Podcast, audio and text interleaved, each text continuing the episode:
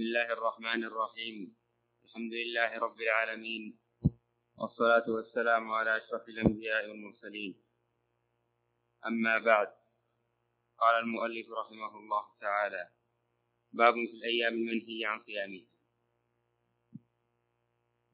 عن ابي سعيد الحمد لله رب العالمين وصلى الله وسلم وبارك على نبينا محمد وعلى اله واصحابه ومن تبعهم باحسان إلى يوم الدين.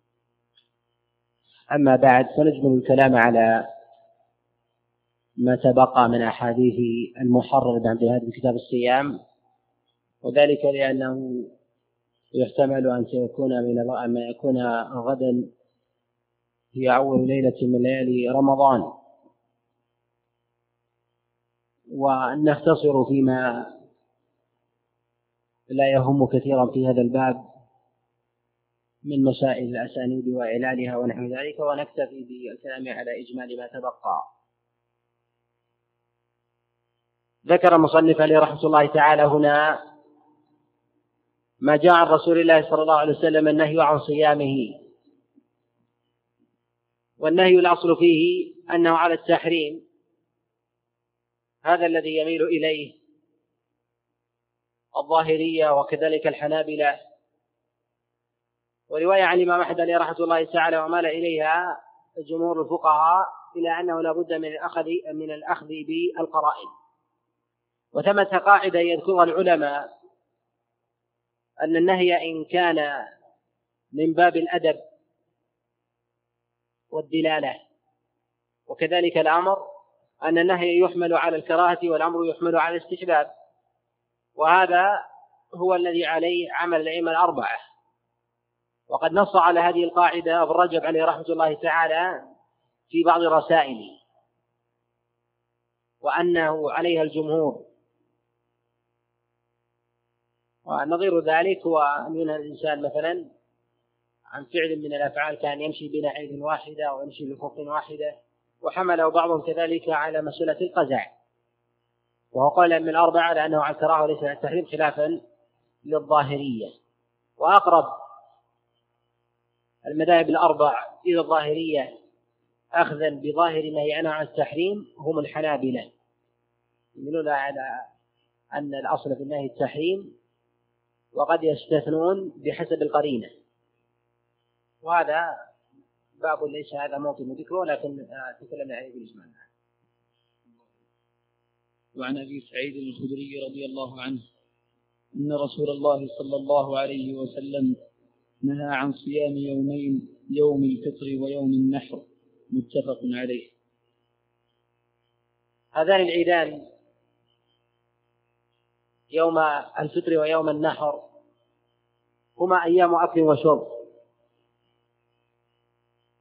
والنبي عليه الصلاة والسلام قد نهى عن صيامهما لأنه يعارض الحكمة التي لأجلها جعل الله عز وجل هذين اليومين عيدا لأهل الإسلام. وذلك أن يوم الفطر فيه علامة على استباحة النهار بطعام وشراب وجماع ونحو ذلك.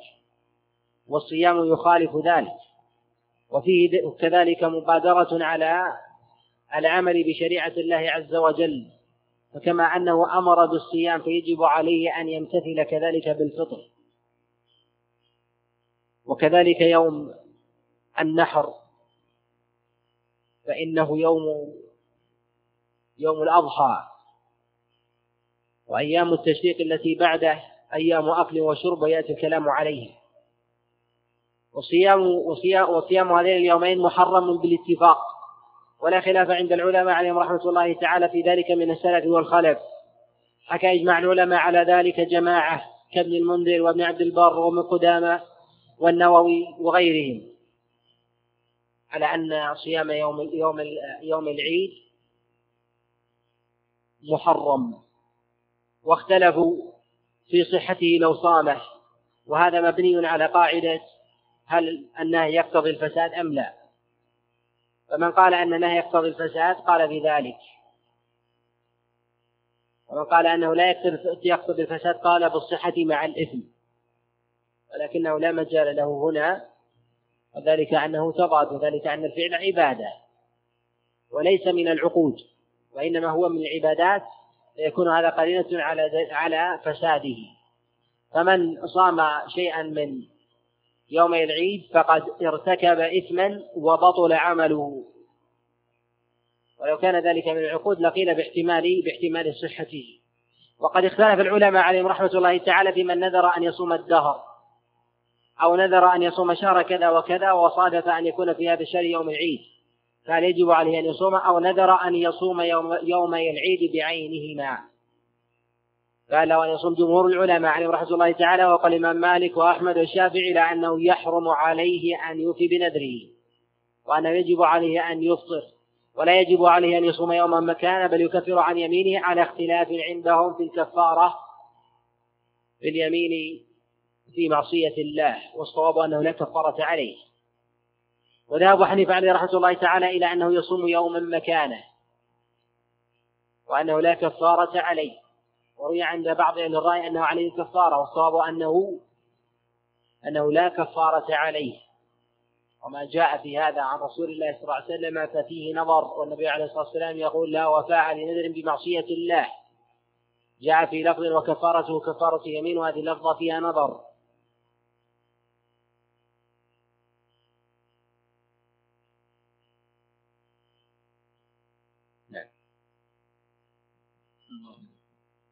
وعن نبيشة الهذلي قال قال رسول الله صلى الله عليه وسلم أيام التشريق أيام أكل وشرب وذكر لله.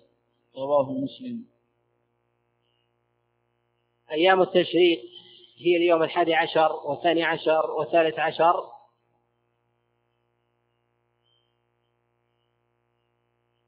من ذي الحجة.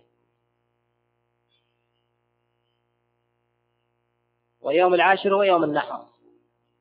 وهو يوم العيد. ويحرم صيامه بالاتفاق كما تقدم. أما صيام أيام التشريق وهي اليوم الحادي عشر والثاني عشر والثالث عشر هل هو على التحريم أم على الكراهة؟ وهل هو خاص لمن كان حاجا أم ليس بخاص؟ على خلاف عند العلماء عليهم رحمة الله تعالى في هذه المسألة على ثلاثة أقوال. قد ذهب جمهور العلماء وهو قول الإمام مالك وأبي حنيفة والشافعي وهو عن الإمام أحمد عليه رحمة الله إلى أنه ليس على التحريم وأنه خاص خاص بالحاج. وذهب الإمام أحمد عليه رحمة الله تعالى في المشهور عنه. إلى أنه على التحريم وخاص بالحاج. وثمة قول ثالث ومروي عن عطاء بن أبي رباح إمام أهل المناسك إلى أنه عام للحاج وغيره وهو على التحريم. وقوله عليه الصلاة والسلام أيام التشريق أيام أكل وشرب.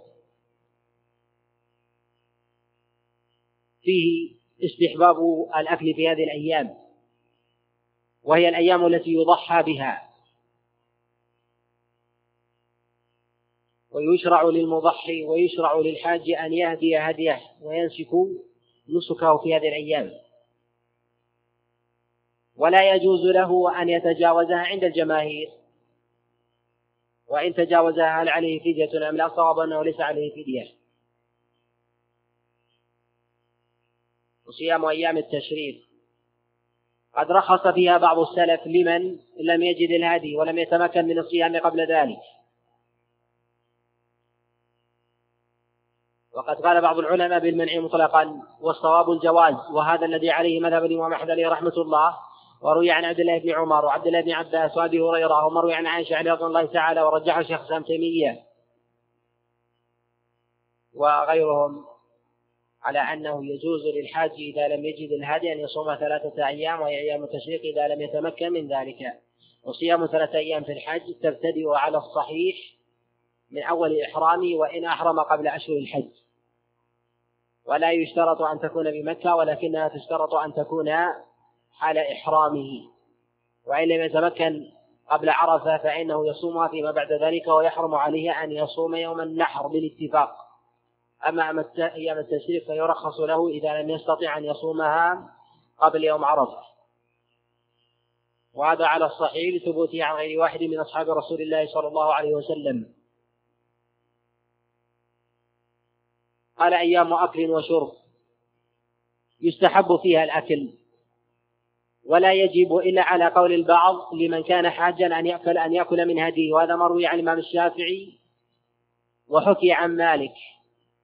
إلى أنه يجب على الحاج أن يأكل من هديه في هذه الأيام. وذلك أن رسول الله صلى الله عليه وسلم كما روى الإمام مسلم من حديث جعفر محمد عن أبيه عن جابر عبد الله أن رسول الله صلى الله عليه وسلم نحر بيده من هذه ثلاثة وستين من الإبل ثم أمر أن يؤخذ من كل واحدة لحما ثم توضع في قدر, في قدر وتطبخ وطبخت فأكل من لحمها وشرب من مرقها. قال العلماء ومعلوم في ما في ذلك من التكلف والشدة والمشقة فدل على وجوبه. وتعمد رسول الله صلى الله عليه وسلم في أن يؤخذ من كل واحدة شيئا. وأن يجمع في قدر ثم شرب من مرقها وأكل من لحمها فيه تكلف ظاهر ولا يكون مثل ذلك إلا لأمر واجب. والفعل من النبي عليه الصلاة والسلام إذا لم يقترن بقرينة ظاهرة وليست محتملة يحمل على الاستحباب لا يحمل على الوجوب هذا الذي عليه جمهور العلماء على أنه يستحب له أن يطعم في هذه الأيام ولا يجب عليه. ورجح الشنقيطي عليه رحمة الله تعالى في كتاب أضواء البيان الوجوب وأنه يجب على الحاج أن يأكل من هديه. بفعل النبي عليه الصلاة والسلام ومبالغته في ذلك ومثل هذا لا يكون إلا لما يشدد فيه كالوجوب. والذي يظهر والله أعلم أنه على السنية والتأكيد لا على الوجوب إذ أن الواجبات لا تثبت إلا بنص ظاهر. وذلك أن الإنسان إذا تركها يلزم منه إلحاق الإثم به وإلحاق الإثم به توقيع عن رب العالمين ويفتقر إلى دليل ظاهر ولا دليل في هذه المسألة ظاهر وأما غير الحاج فيشرع له أن يأكل ولا يجوز له الصيام. ويشرع له أن يأكل ولا يجوز له الصيام. لكنه لا يقال بوجوب الأكل لأنه إذا قلنا بعدم وجوبه على الحاج مع ظهور النص قلنا في غير الحاج من باب أولى. وكذلك يلحق فيه أهل الحاج وذويه. إذا لم إذا حج فإنه لا يجب عليه ولا على أهله أن يضحي عنه. فإن رسول الله صلى الله عليه وسلم ما ضحى وهو حاج. وما جاء في صحيح البخاري من حديث عائشة عليه رضي الله تعالى أن رسول الله صلى الله عليه وسلم ضحى عن نساء بالبقر المراد بالأضحية هنا هي الهدي. يسمى الهدي أضحية وهو يسمى الأضحية هديا. وهذا من باب التجوز. وصواب أن الحاج لا أضحية عليه ولا على أهله. وإنما هديه كاف له لذلك النبي عليه الصلاة والسلام لم يضحي ولم يبقي لأهله أضحية. وهذا وهذا هو الصواب. فيكون طعام أهله هل هو يكون على الاستحباب أم لا؟ يقال أن الطعام الأصل فيه الاستحباب لعموم النص. أن يطعموا من قوت من قوتهم وقد استدل بهذا من قال بوجوب الأضحية وليس هذا موطن ذكره. وجوب الأضحية النبي عليه الصلاة والسلام قال أيام أكل وشرب فمما يأكل إلا لشيء قد شرع بأن يبذله في هذه الأيام. قال وذكر لله. وذكر الله سبحانه وتعالى هو هو عام. ولم يثبت عن رسول الله صلى الله عليه وسلم في هذه الأيام ذكر معين. وقد جاء عن بعض أصحاب رسول الله صلى الله عليه وسلم أنهم كانوا يكبرون ويهللون ويلبون مع النبي عليه الصلاة والسلام في حجه. ولا ينكر أحدهم على الآخر وهذا مقيد في حجهم وقد يحمل على العموم. وما جاء في هذا عند العلماء عليهم رحمة الله تعالى من هذه الأذكار فإنهم يستدلون بعموم التكبير في كتاب الله سبحانه وتعالى. وكذلك في هذا الحديث قال وذكر لله أنه يشرع الذكر مطلقا. وأما الذكر المطلق والمقيد على ما يقسم العلماء عليهم رحمة الله تعالى في هذه الأيام أيام التشريق فلم يثبت في ذلك نص عن رسول الله صلى الله عليه وسلم لكنه محل إجماع. كما قال ذلك ابن رجب عليه رحمة الله تعالى في كتاب فتح الباري على أن الذكر في أيام التشريق وما يسميه الفقهاء بالذكر المطلق والمقيد أنه لا دليل عليه عن النبي عليه الصلاة والسلام وإنما هو عموم وجاء في كلام الله سبحانه وتعالى وفي قول النبي عليه الصلاة والسلام هنا. قال وذكر الله. أما لفظ التكبير فلم يأتي عن النبي عليه الصلاة والسلام وإنما جاء في كلام الله جل وعلا. ولتكبروا الله. وجاء من فعل أصحاب رسول الله صلى الله عليه وسلم.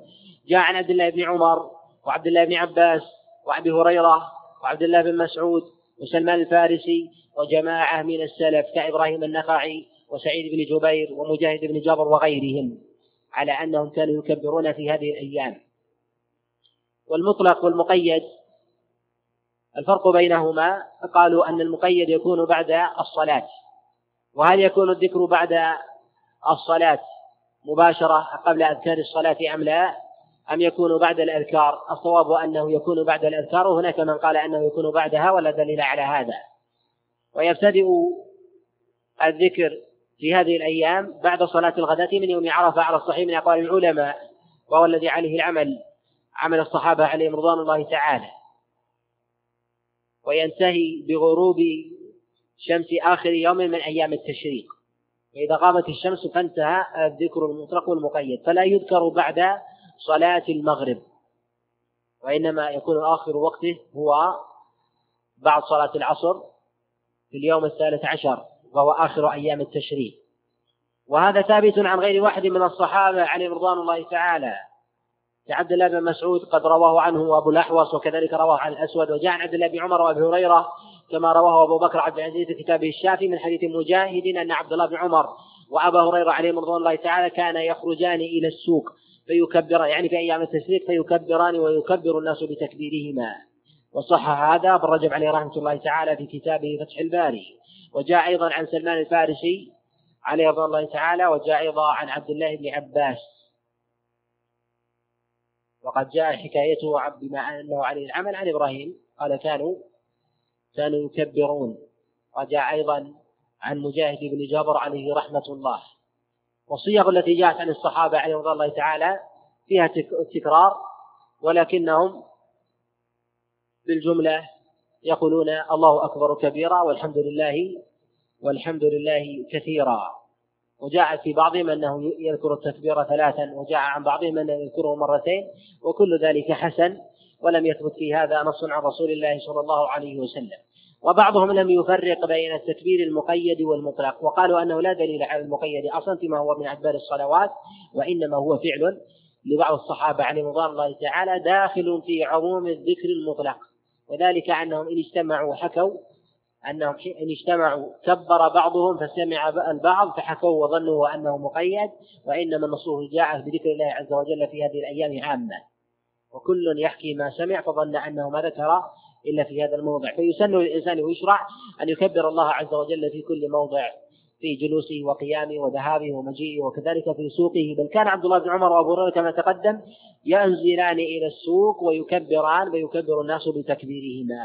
ولا يشرع التكبير الجماعي. وإن قال به بعض الشافعية ويفهم من حديث عمر بن الخطاب رضي الله تعالى كما روى البيهقي بإسناد صحيح أنه كان بقبته بمنى يكبر ويكبر الناس بتكبيره حتى تضج منى تكبيرا. وكذلك في فعل عبد الله بن عمر عن رضي الله تعالى وأبي هريرة أنه ما كان أنه ما كان يخرجان إلى السوق فيكبران ويكبر الناس بتكبيرهما استدل به بعض الفقهاء من الشافعية على مشروعية التكبير الجماعي. وهذا محتمل إلا أنه إلا أنه ليس بظاهر فلا يقال بسنيته لكنه لا يعنى في هذه المسألة لأنها محتملة والنصوص في هذا عن أصحاب رسول الله صلى الله عليه وسلم قوية. وقد جاء عن رسول الله صلى الله عليه وسلم أنه كان يدعو في هذه الأيام ربنا آتنا في الدنيا حسنة وفي الآخرة حسنة وقنا عذاب النار. ولا يصح هذا لكنه قد جاء عن عكرمة مولى عبد الله بن عباس عليه رضوان الله تعالى بإسناد لا بأس به. أما النبي عليه الصلاة والسلام فلا يثبت فيقال أن هذه الأيام هي موطن لذكر الله عز وجل. وإن دعا الإنسان فلا حرج لكن الثابت فيها أنها لذكر الله كما في هذا الخبر أيام وأكل وشرب وذكر وذكر لله. يستحب للإنسان أن يكثر في هذه الأيام من ذكر الله عز وجل من تهليل وتكبير وتحميد. وروى البخاري عن الزهري عن عروة عن عائشة وعن سالم عن ابن عمر قال لم يرخص في أيام التشريق أن يصم إلا لمن لم يجد الهدي. من لم يجد الهدي فإنه لا حرج عليه أن يصوم أيام التشريق وهذا الذي عليه العمل. عمل الصحابة عليهم رضوان الله تعالى كعبد الله بن عمر وعبد الله بن عباس وأبي هريرة وغيرهم. ومن لم يجد الهدي فإنه يلزمه أن يصوم عشرة أيام ثلاثة أيام في الحج وعشرة إذا رجع وسبعة إذا رجع إلى أهله. ومتى يبتدئ صيام هذه الأيام؟ يبتدئ من أول إحرامه على الصحيح. ولو أحرم في رمضان أو أحرم في شوال للحج وبقي على إحرامه فإنه يصوم ثلاثة أيام وتجزي عن ذلك. ويسن له أن لا تتأخر عن يوم عرفة يكون آخرها يوم عرفة. ولذلك قد روي عن عبد الله بن عمر وعبد الله بن عباس بل عن علي بن أبي طالب عليه رضي الله تعالى أنه قال يصوم ثلاثة أيام آخرها يوم عرفة. وإذا لم يستطع أو يتمكن أو تساهل فانه يصوم أيام التشريق ولا حرج عليه. لأنها من أيام الحج قطعا. ولذلك قد اختلف العلماء عليهم رحمة الله تعالى في أيام في أشهر الحج. الإنسان مأمور بأن يؤدي هذا ما لم يتحلل تحلل كاملا ويكون ذلك في أيام حجه.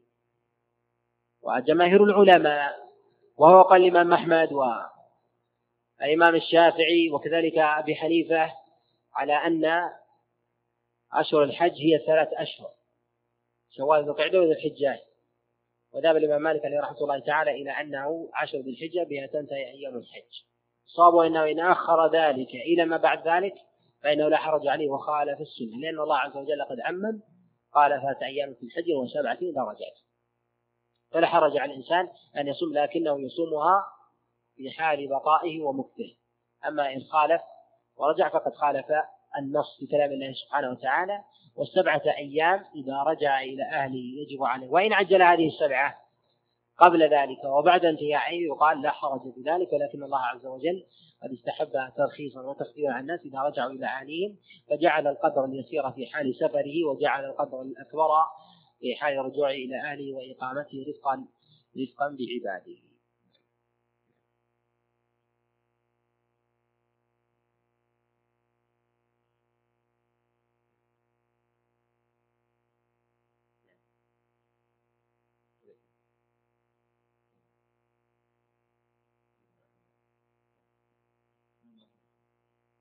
وعن ابن سيرين عن أبي هريرة عن النبي صلى الله عليه وسلم قال لا تختصوا ليلة الجمعة بقيام من بين الليالي ولا تختصوا يوم الجمعة بصيام من بين الأيام إلا أن يكون في صوم يصومه أحدكم.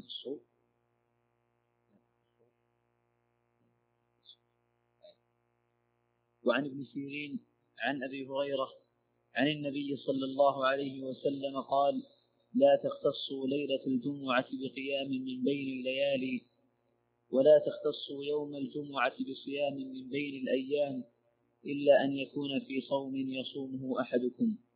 رواه مسلم وصحح أبو زرعة وأبو حاتم إرساله.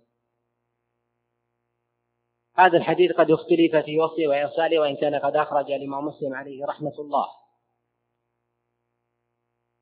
وقد رواه عن ابن سيرين غير واحد واختلف فيه فرواه حسين بن زايدة عن ابن سيرين موصولا. ورواه جماعة كهشام وأيوب وغيرهما عن ابن سيرين مرسلا. وهو الصواب الصواب إرساله. ورجح الإرسال أبو زرعة وأبو حاتم ودار قطني وغيرهم. والإمام مسلم عليه رحمة الله تعالى كأنه مال إلى الوصل. يقال أن هذه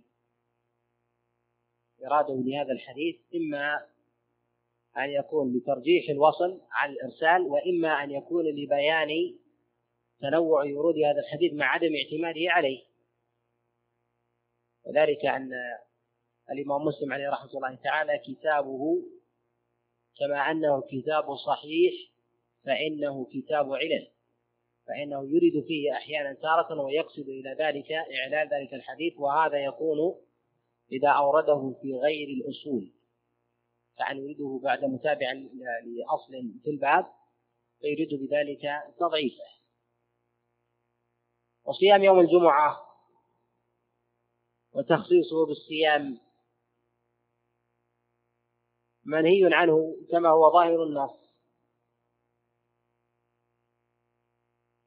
وقد اختلف العلماء عليهم رحمة الله تعالى في المنع من ذلك.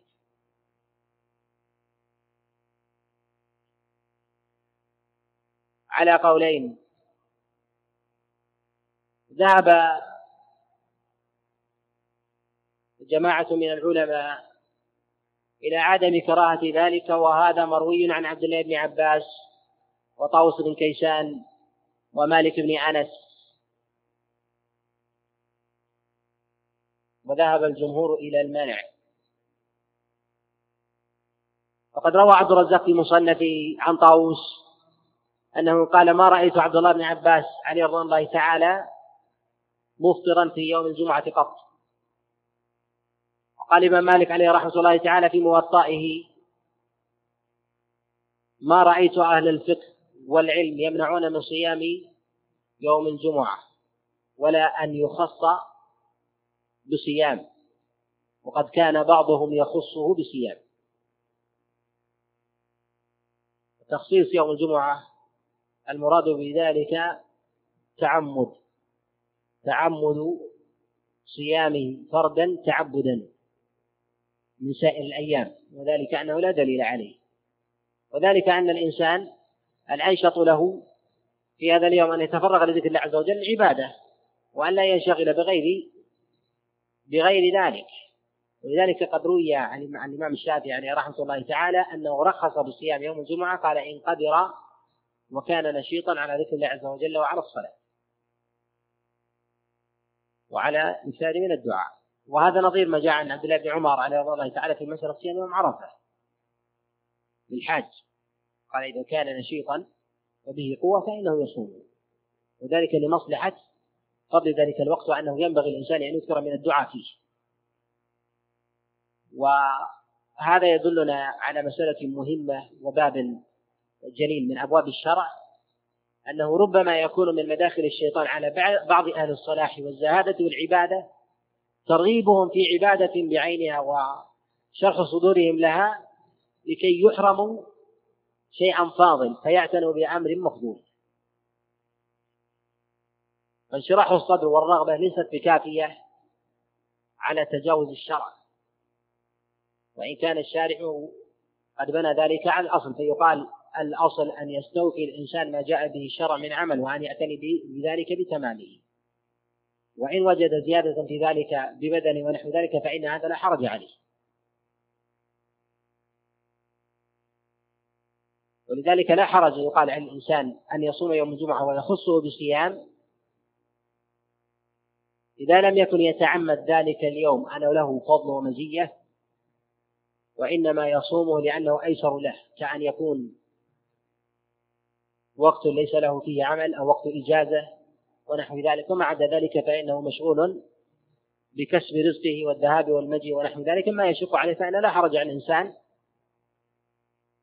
أن يصوم يوم الجمعة من هذا الوجه لأنه ما خصه بذاته تعبدا بذات الجمعة كما يخص الإنسان صيام يوم الاثنين أو الخميس ونحو ذلك ولكنه خصه لأمر آخر فلا حرج عليه. وذلك النبي عليه الصلاة والسلام.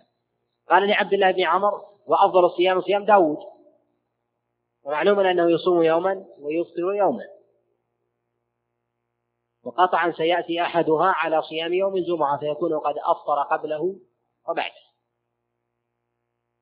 والأصل أن الله عز وجل قد جعل مواسم للإنسان لا يتعبد فيها راحة لبدنه وجسده ودينه. وذلك النبي عليه الصلاة والسلام قد نهى عن الصلاة بعد العصر وبعد الفجر حتى تطلع الشمس وحتى تغرب الشمس بعد العصر. قد نص شيخ الإسلام تيمية وغيره أن المراد بذلك أن الإنسان لا يمل. وقد يعين الشيطان الإنسان على عبادة من العبادات وأن يكثر منها لأنه يعلم أنه سينقطع فلا يحثه على القليل وإنما يشرح صدره للكثير لينشط. لأنه إن نشط انقطع. فقليل فكثير منقطع. أحب إلى إبليس من قليل دائم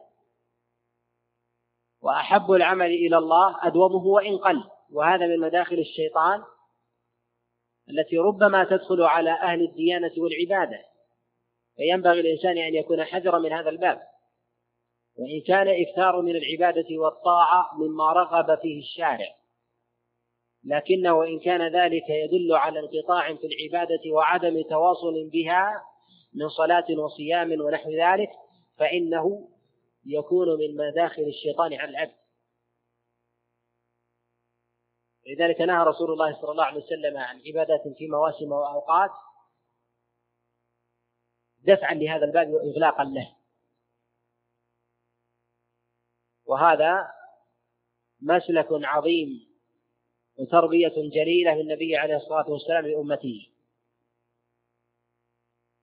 فلا يقال أن النهي هنا على التحريم من النبي عليه الصلاة والسلام ولكنه يقال للكراهة. إلا لمن كان دافعه غير ذلك. لذلك أذن النبي عليه الصلاة والسلام بصيام يوم الجمعة كصيام داود. ولم يستثني لما قال لعبد الله بن عمرو صم يوما وأفطر يوما. وقطعا إن لم يصب الجمعة هذا اليوم فسيصيب الذي يليه. الأسبوع الذي يليه ونحو ذلك. مع ذلك النبي عليه الصلاة والسلام لم يقل له ذلك. وتأخير البيان عن وقت الحاجة لا يجوز.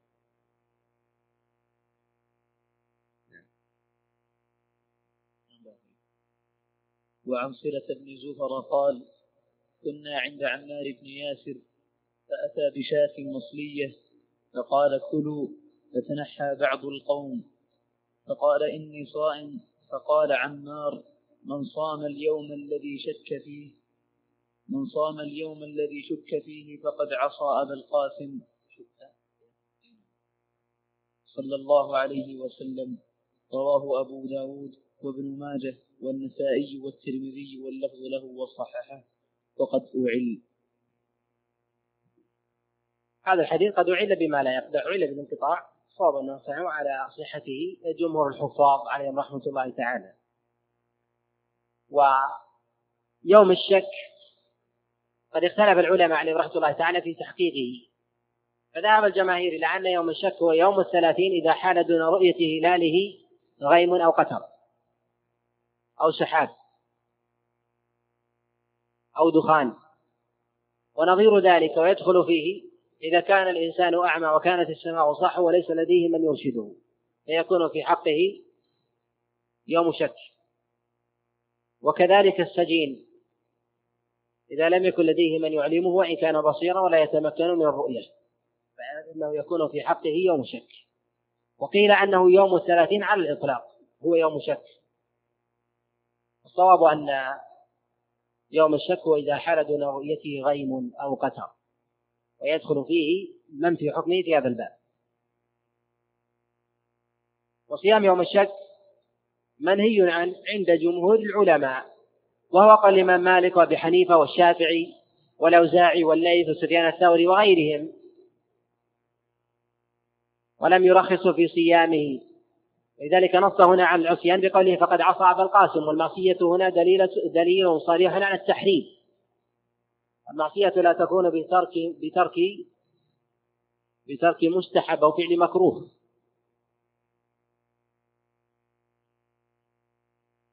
وذهب الإمام أحمد عليه رحمة الله تعالى في المشهور عنه إلى استحباب صيام يوم الشك. وهذا قول مروي عن عبد الله بن عمر عليه رضي الله تعالى كما رواه الإمام مالك الموطأ عن نافع عن عبد الله بن عمر قال لئن أصوم يوما من شعبان أحب إلي من أن أفطر يوما في رمضان. وذلك أنه يحب أن يصوم يوم الشك خشية أن يكون من رمضان فيفطر فيه. وثمة قول آخر قد قال به الليث بن سعد قال أنه يجوز أن يصوم يوم الشك ويجزي عن رمضان إذ علم أنه قد دخل رمضان قبل غروب الشمس. وإذا لم يعلم حتى غربت الشمس فإنه لا يصوم فإنه لا يكون من رمضان ويجب عليه قضاءه. وهذا قد يدلنا على مسألة قد أشرنا إليها بالإجمال وهي مسألة إذا رأى الإنسان الهلال في النهار. فهل يحتسب ذلك من الليلة الماضية أم الليلة التي تليها؟ وقد تقدم أن الهلال لا يراه الإنسان بعينه المجردة إذا كان حادا إلا بعد بعد ولادة الهلال بثلاثة عشر إلى خمسة عشر ساعة. وأما قبل ذلك فلا يتمكن منه الإنسان العادي إلا بالمكبرات. فإذا رآه نهارا أو الصبيحة صبيحة اليوم فإنه قطعا ستكون هذه آخر ساعاته إما الخامسة عشر أو السادسة عشر أو السابعة عشر فيرى ويراه الرجل حاد البصر. فهل تكون هذه الرؤية لليلة الماضية فيكون هذا اليوم هو من من الصيام أم يكون هذا الهلال من الغد مع أنه لم يرى ليلا؟ قد اختلف العلماء عليهم رحمة الله تعالى في هذه المسألة على قولين. وهما روايتان في مذهب الإمام أحمد عليه رحمة الله. وهما قولان مرويان عن عمر بن الخطاب عليه رضوان الله تعالى.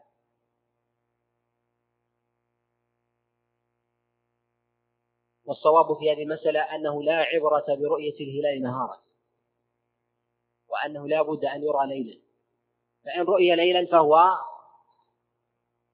قطعا لليلة القادمة. وإن رؤي نهارا قبل الزوال أو بعده وقيده بعضهم لأنه إذا كان قبل الزوال فإنه يكون الليلة الماضية وإذا كان بعد الزوال إذا كان قبل الزوال فإنه يكون الليلة آه، إذا كان قبل الزوال فإنه يكون لليلة الماضية وإذا كان بعد الزوال فإنه يكون التي قبلها والصواب أنه لا فرق. لا فرق في في هذا. وقد مال ابن عبد البر عليه رحمة الله تعالى إلى عدم التفريق وأنه لا عبرة به برؤية الهلال نهارا. وصح ما جاء عن عبد الله عن عمر بن الخطاب رضي الله تعالى فيما رواه ابن أبي شيبة وكذلك ابن عبد البر أيضا من حديث الاعمش عن شقيق عن عمر بن الخطاب رضي الله تعالى أنه قال بعدم الاعتبار برؤية الهلال نهارا وهذا هو الصواب.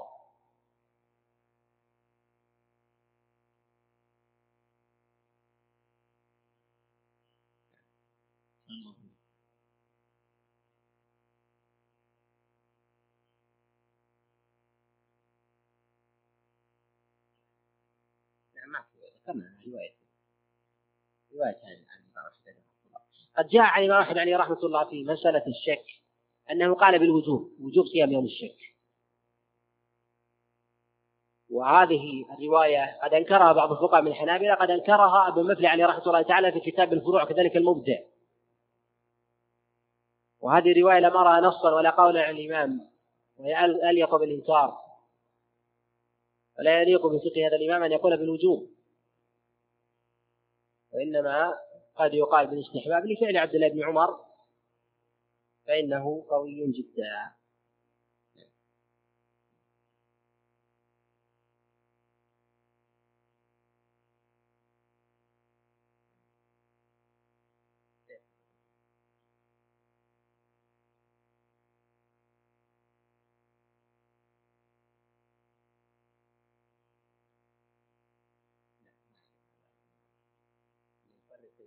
كان صيام غيما يجب عليه يصوم إذا كان صحوا مستحب.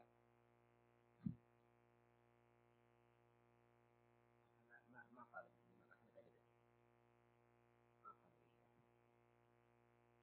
قال به بعض الفقهاء المتأخرين لكنه ليس المذهب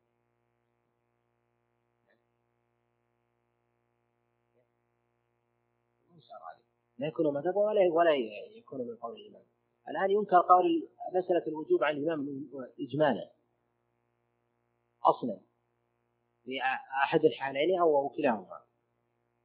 الوجوب هذا بعيد جدا ولا أعلم من قال بذلك الوجوب أحد في القرون المفضلة. ثلاثة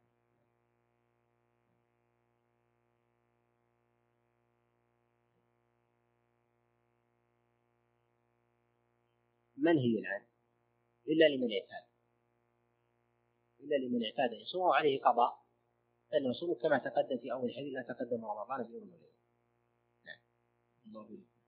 وعن العلاء عن أبيه عن أبي هريرة.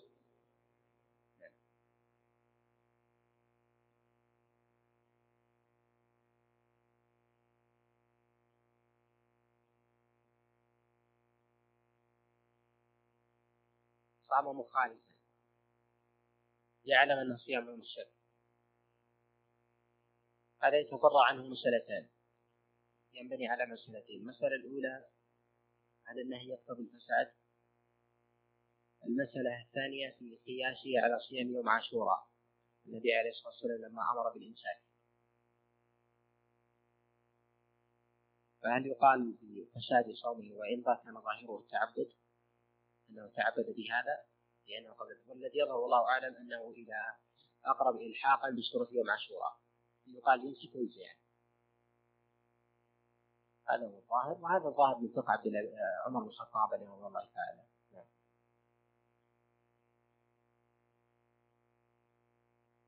في آخر الشهر ما يجزي عنه ما يجزي عنه بل قد يقال بالاتفاق إلا أهل الرأي ربما يقولون بهذا يعني الله وعن العلاء عن أبيه عن أبي هريرة أن رسول الله صلى الله عليه وسلم قال إذا انتصف شعبان فلا تصوموا رواه الإمام أحمد وأبو داود والنسائي وابن ماجه والترمذي وصححه وقال أحمد هو حديث منكر وكان ابن مهدي لا يحدث به قال والعلاء ثقة لا ينكر من حديثه إلا هذا هذا الحديث قد تقدم الكلام عليه بالإجمال وقد أخرجه الإمام أحمد عليه رحمة الله تعالى وغيره مما ذكره المصنف من حديث العلاء بن عبد الرحمن عن أبيه عن أبي هريرة. رواه عن العلاء جماعة تروح بن القاسم وزهير بن محمد وزهير بن معاوية وغيرهم وهو من منكراته وتفرد به ومخالف للحديث الصحيح والعلاء بن عبد الرحمن وإن كان ثقة وقد أخرج له الإمام مسلم عليه رحمة الله تعالى حديث كثيرة نحو من خمسين حديثا في صحيحه. قد تفرد بهذا الحديث وأنكره عليه عامة الحفاظ كابن مهدي والإمام أحمد ويحيى بن معين وعلي بن المديني وكذلك الإمام النسائي. والحديث ضعيف. بل منكر. وإن كان قد صح الإمام الترمذي عليه رحمة الله تعالى وابن حبان وابن خزيمة وغيرهم ولما ذكر الإمام ابن رجب عليه رحمة الله تعالى في كتاب اللطائف من صححه قال وقد ضعفه من هو أعلم منهم بهذا الفن. يعني الإمام أحمد عليه رحمة الله تعالى وابن مهدي ويحيى بن معين وعلي بن المديني وغيرهم. والصواب أنه منكر من وجوه. أولا تفرد العلاء به ولا يحتمل منه ذلك. الأمر الثاني أنه معارض لما جاء عن رسول الله صلى الله عليه وسلم من فعله فإنه كان يصوم شعبان. حتى جاء في الصحيح من حديث عائشة النبي عليه الصلاة والسلام كان يصوم شعبان كله. وكذلك معارض بقول النبي عليه الصلاة والسلام لا تقدموا رمضان بيوم ولا يومين دليل على أنه يجوز أن تقدمه قبل ذلك بثلاثة أو أربعة. وهذا معارض لهذه الأحاديث الصحيحة في الصحيحين وغيرهما. الأمر الثالث أن عامة الحفاظ قد أنكروه لمن تقدم ذكره.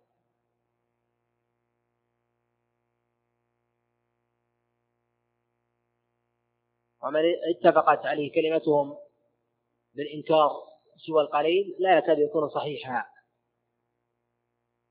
وكذلك فإن الراوي وإن كان ثقة قد ينكر من حديثه الشيء اليسير مما يخالف به الرواة وهذا لا يطعن ولا يجرح في حديثه كله.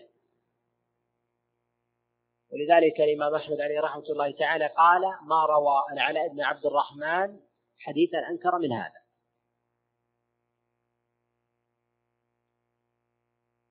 وذلك أنه قد أخذ عليه ذلك لمعارضة الأحاديث الأحاديث الصحيحة ولولا معارضة الأحاديث الصحيحة ربما مشي وقبل.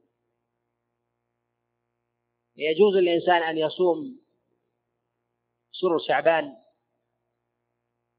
وهو آخرة ولا حرج عليه إلا أن يتقدم رمضان بيوم أو يومين لما تقدم. وله أن يصوم شعبان كله. أو يصوم أوله وأوسطه وآخره وكل ذلك فعل النبي عليه الصلاة والسلام.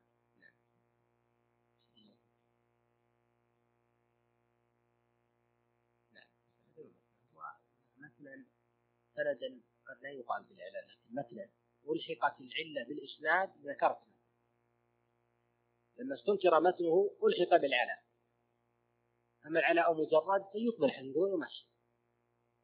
فلو أعلناه إسنادا مجرد من غير إنكار المتن فإنه لا يمشي على حال العلاء فيقال أنه يرد كل حديث يرويه العلاء وهذا لا يقوم به الأئمة. لكن يقبل حديث العلاء إلا ما استنكر عليه من حديثه من متنه. فاستنكر هذا فهو علم.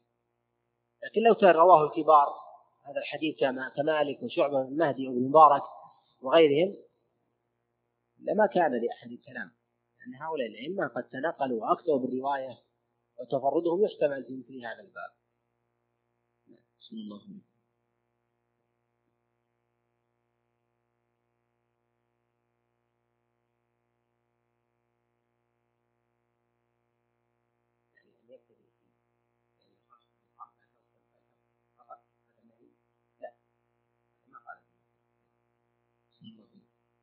وعن عبد الله بن مسلم عن أخته الصماء أن النبي صلى الله عليه وسلم قال لا تصوموا يوم السبت إلا, إلا فيما افترض عليكم فإن لم يجد أحدكم إلا لحاء عنبة أو عود شجرة فلينضغ رواه أحمد وأبو داود وهذا لفظه وابن ماجه والنسائي وحسنه والحاكم وحسنه وزعم أبو داود أنه منسوخ وقال مالك هو كذب وفي ذلك نظر والله أعلم.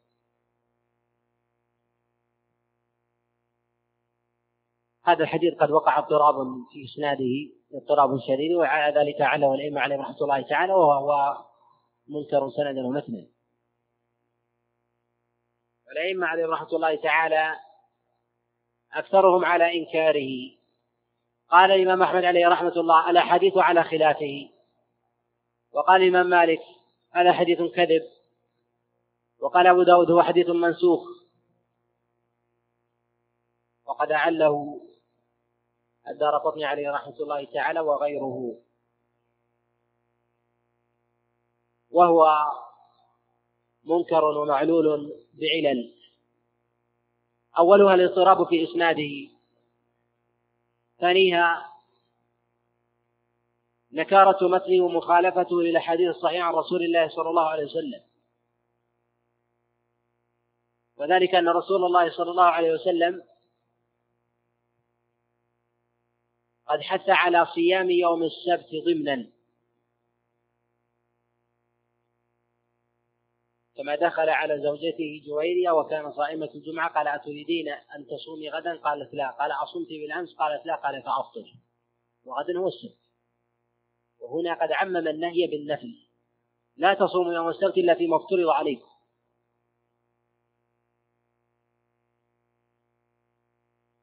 كذلك أيضا الصائم على صيام داود قطعا سيصادف السبت. وكذلك الصائم على أيام البيض فقد يصادف سبتا بل يقطع بذلك إن لم يصادفه مرة سيصادف الأخرى.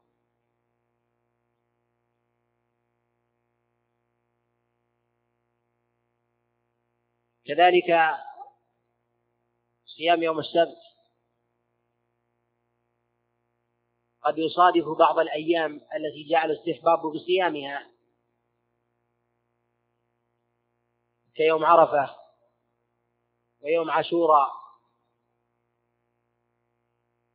وغيرها مما هي محددة بعينها ولم يستثني الشارع يوم السبت منها.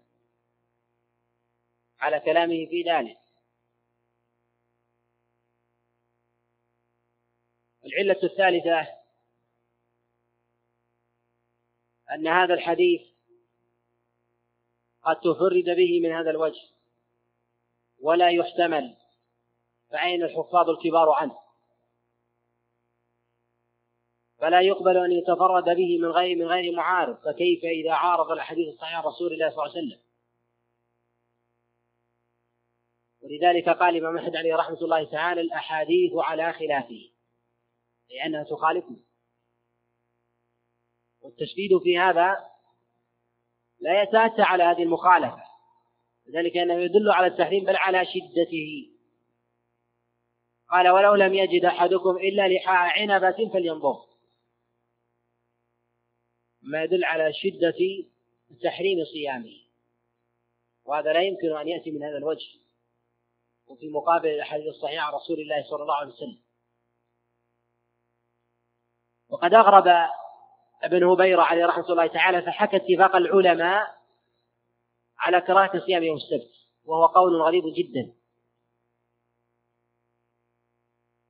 فلا أعلم من كره صيام يوم السبت من الصحابة عليهم رضوان الله تعالى بإسناد صريح صحيح.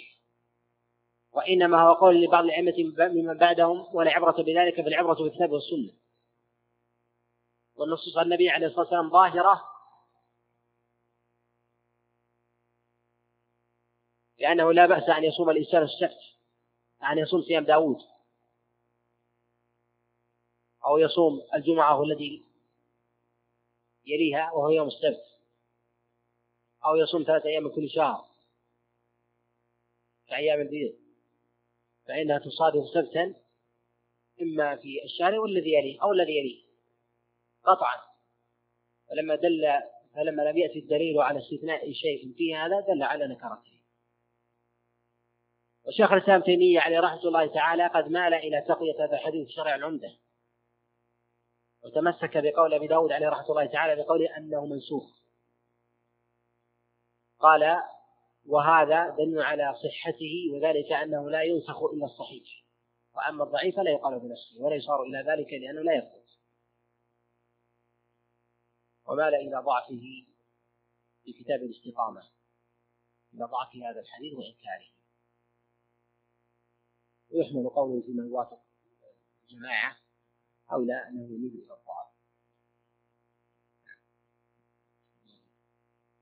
باب الاعتكاف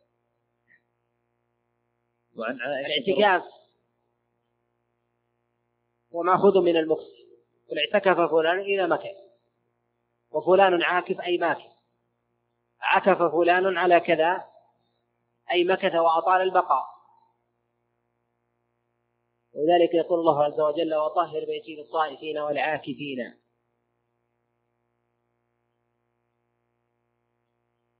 أي العاكفين الماكثين في المخ سواء بنية أو بغير نية. واشتق من واشتق من هذا المعنى؟ فإذا ورد في الشرع هذا اللفظ المراد به الاصطلاح الشرعي وهو المكث في المسجد تعبدا لله عز وجل. وقد اختلف العلماء عليهم رحمة الله تعالى في مدة الاعتكاف أقلها وأكثرها مما يأتي الكلام عليه بإذن الله. وهو مشروع عند عامة العلماء. قد فعله النبي عليه الصلاة والسلام وفعلته أزواجه. يقول الإمام مالك عليه رحمة الله تعالى تأملت في الاعتكاف. وترك كثير من السلف له وعدم فعلهم مع فعل النبي عليه الصلاة والسلام له وأزواجه.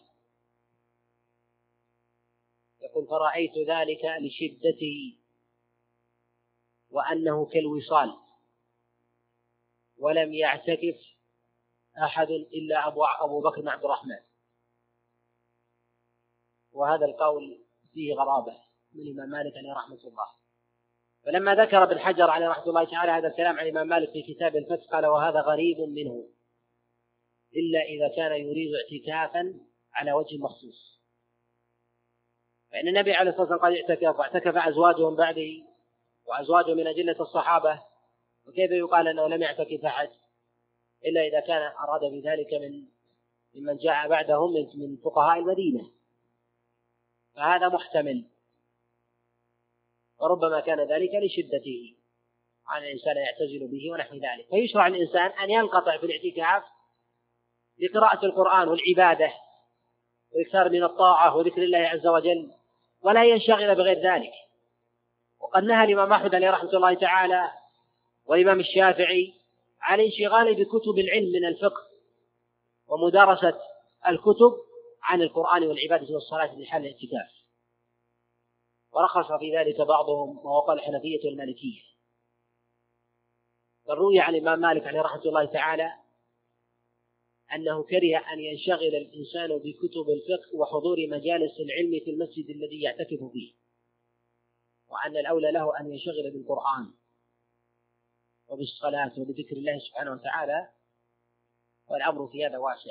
فإن الانشغال بسنة النبي عليه الصلاة والسلام خاصة بعيدا عن النظر في آراء الرجال هو نظر في الوحي فإن الله عز وجل يقول وما ينطق عن الهوى إن هو إلا وحي يوحى. وسنة النبي عليه الصلاة والسلام منزلة على محمد صلى الله عليه وسلم كما أنزل الله عز وجل عليه القرآن. نزل بها جبريل. لذلك قد روى الخطيب البغدادي عليه رحمة الله تعالى في كتابه الكفاية عن حسان بن عطية قال نزل جبريل على محمد صلى الله عليه وسلم بالسنة كما نزل عليه بالقرآن. لذلك نزل العلماء عليه رحمة الله تعالى يقولون الحمد لله منزل الوحيين على نبيه محمد صلى الله عليه وسلم. ولا حرج على الإنسان أن يتدارس السنة لكنها لا تغلب عليه لأن هذا القرآن ولذلك النبي عليه الصلاة والسلام انقطع عن أصحابه إلا ما نذر في حال اعتكافه وانشغل بالقرآن وقيام والقيام لله سبحانه وتعالى والدعاء وكذلك أصحابه عليهم رضوان الله تعالى. وعن عائشة رضي الله عنها أن النبي صلى الله عليه وسلم كان يعتكف العشر الأواخر من رمضان.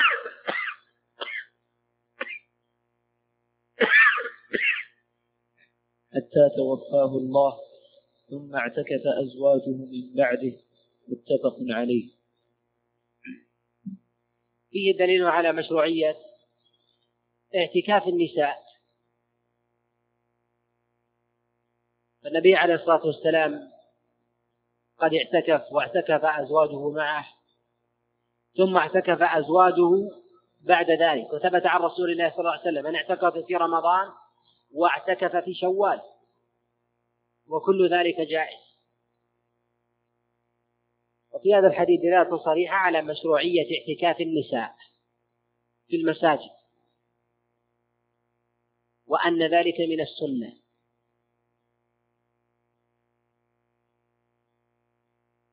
وفيه دليل على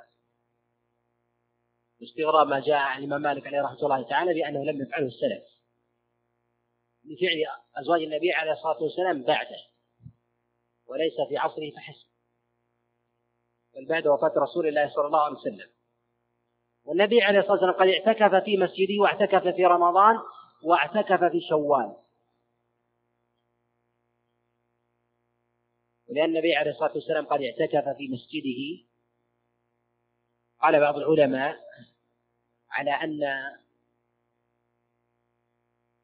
الإنسان لا يشرع له أن أن يعتكف إلا في مسجد. وهذا محل اتفاق عند العلماء.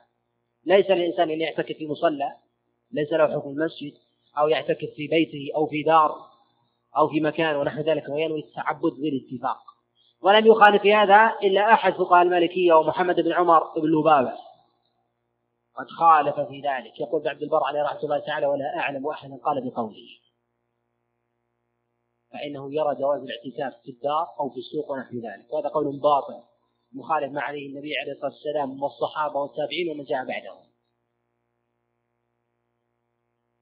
ويجوز للمرء أن يعتكف في رمضان وغيره. والأولى أن يكون اعتكافه في رمضان في العشر الأواخر منه ويجوز أن يعتكف في العشر الأول والأواسط من رمضان والعشر الأواخر لأن النبي عليه الصلاة والسلام قد اعتكف في شوال والشوال قطعا وأقل فضلا من رمضان بل هو أقل فضلا من عشر الأوائل منه والأواسط منه فيجوز من باب أولى أن يعتكف في أوله. وأفضل الاعتكاف فيه في العشر الأواخر لفعل النبي عليه الصلاة والسلام. وهل له أن يعتكف يوما في رمضان أو يومين نحو ذلك؟ لا حرج في ذلك. وقد اختلف العلماء عليهم رحمة الله تعالى في أقل مقدار للاعتكاف على أقوال. ذهب جمهور العلماء وهو قال الإمام مالك والشافعي وقال أبي حنيفة إلى أن أقل يوم الاعتكاف هو يوم وليلة قالوا وذلك أنه يشترط الاعتكاف أن يكون صائما. وذلك يكون في اليوم. وروي عن الإمام مالك عليه رحمة الله تعالى أن أقل اعتكاف هو النهار ولا يشترط الليل لأن الصيام يكون في النهار. واستدلوا عمر بحديث عمر بن الخطاب رضي الله تعالى كما قال أنه قال النبي عليه الصلاة والسلام يا رسول الله إني نذرت أن أعتكف يوما. وقال النبي عليه الصلاة والسلام أوفي بنذرك أن أعتكف يوما في المسجد الحرام. فقال أوفي بنذرك قالوا فأقله يوما. ولا أعلم نصا عن رسول الله صلى الله عليه وسلم ولا عن أحد من الصحابة صريح في مقدار الاعتكاف أقل الاعتكاف إلا ما رواه ابن أبي شيبة عن يعلى بن أمية. قال إني لا أدخل المسجد ساعة وما أنوي إلا الاعتكاف. على هذا يكون الاعتكاف لا حرج أن يكون ساعة وساعتين وثلاث ونحو ذلك. ويوما ونصف يوم أو أكثر من ذلك ولا حرج في هذا. والسنة أن أن يعتكف العشر الأواخر كلها لفعل النبي عليه الصلاة والسلام. ولا يشترط الصيام على الصحيح لأن النبي عليه الصلاة والسلام اعتكف في شوال ولم يكن صائما. وقد أخذ الإمام مالك عليه رحمة الله تعالى بظاهر فعل النبي عليه الصلاة والسلام وقال لا اعتكاف إلا إلا في مسجده. وجاء عنه في رواية إلا في مسجد جامع. قال وذلك أنه لا يجوز له أن يخرج لصلاة الجمعة فإنه إن خرج بطل اعتكافه ويأتي الكلام على هذه المسألة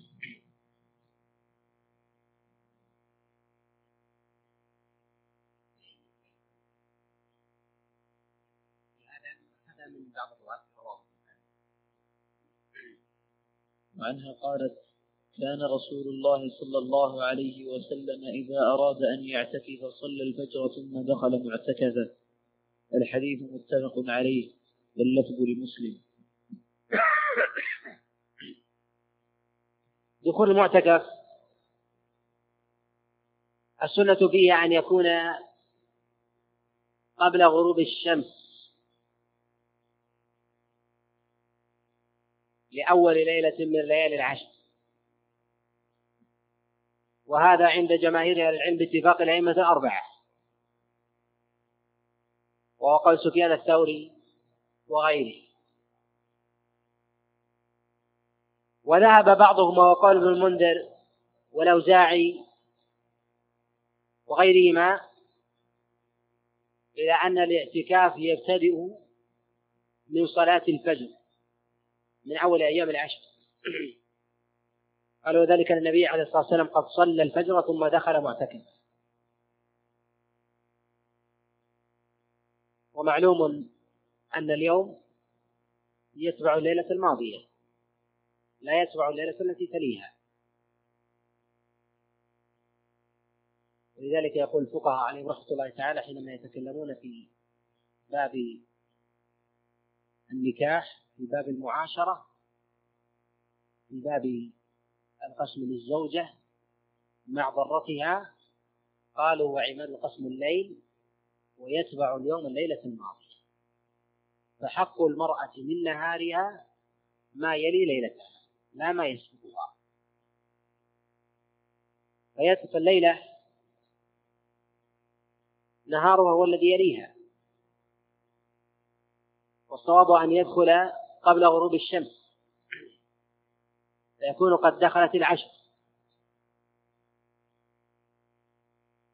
ويخرج بغروب الشمس من يوم الفطر من ليلة الفطر. هذا عند الجماهير. والخلاف في الخروج أوسع من الدخول. فقد اتفق الأئمة الأربعة على أن الدخول يكون قبل غروب الشمس من أول ليالي العشر. ومن قال بأنه يدخل بعد صلاة الفجر استدل بظاهر الحديث وظاهر الحديث لا يعضده. وذلك النبي عليه الصلاة والسلام حينما صلى الفجر دخل معتكفا. وعدم الأخذ بظاهره يوجهه أمران. الأمر الأول أن النبي عليه الصلاة والسلام كان يقوم في الليل. وقد ضربت له خيمة. شبا في مسجده عليه الصلاة والسلام. كان يقوم الليل. ثم وفي النهار يكون نومه فإنه يحيي الليل كما تقدم الإشارة بذكر الله عز وجل والدعاء والصلاة. الوجه الثاني أن الصحابة عليهم رضوان الله تعالى عملهم على ذلك. لذلك أئمة السلف وهو قول الجماهير العامة العلماء والذي اتفق عليه الأئمة الأربعة. وهذا الحديث بقوله إذا صلى الفجر دخل معتكفة أي خباءه الذي له في مسجده. وذلك أنه لم يكن داخله في تلك الليلة وإنما كان يصلي في المسجد. فإذا صلى الفجر دخل خباءه لينام عليه الصلاة والسلام. ومن أخذ بظاهره وقول ابن المنذر والأوزاعي فإنه قال بمشروعية دخول المعتكف فجرا والجمهور في حال في الخروج من المعتكف أنه يكون بعد غروب الشمس من ليلة العيد. وبعضهم قال أنه لا يخرج إلا لصلاة العيد من معتكفه لصلاة العيد. والصواب الأول أنه يخرج بعد غروب الشمس. وهذا الذي عليه جمهور العلماء والقول الثاني أنه يخرج إلى إلى مصلاه. هذا رواية عن الإمام أحمد رحمه الله تعالى وقال به أبو حنيفة. وروي عن بعضهم وقال سعيد بن جبير وإبراهيم النخعي. والصواب الأول بل قد شدد بعض الفقهاء من المالكية. وهو قول الماجشون وسحنون المالكي قالوا أنه إن خرج قبل ذلك بطل اعتكافه بالجملة. ولو كان قد اعتكف قبل ذلك وهذا فيه ما فيه. فإن أقل الاعتكاف إحباط للأجر فربما قد يكون الحق بالإثم لمخالفته للنبي عليه الصلاة والسلام ولا دليل على ذلك. وصواب أنه يخرج معتكفه من غروب الشمس. نعم.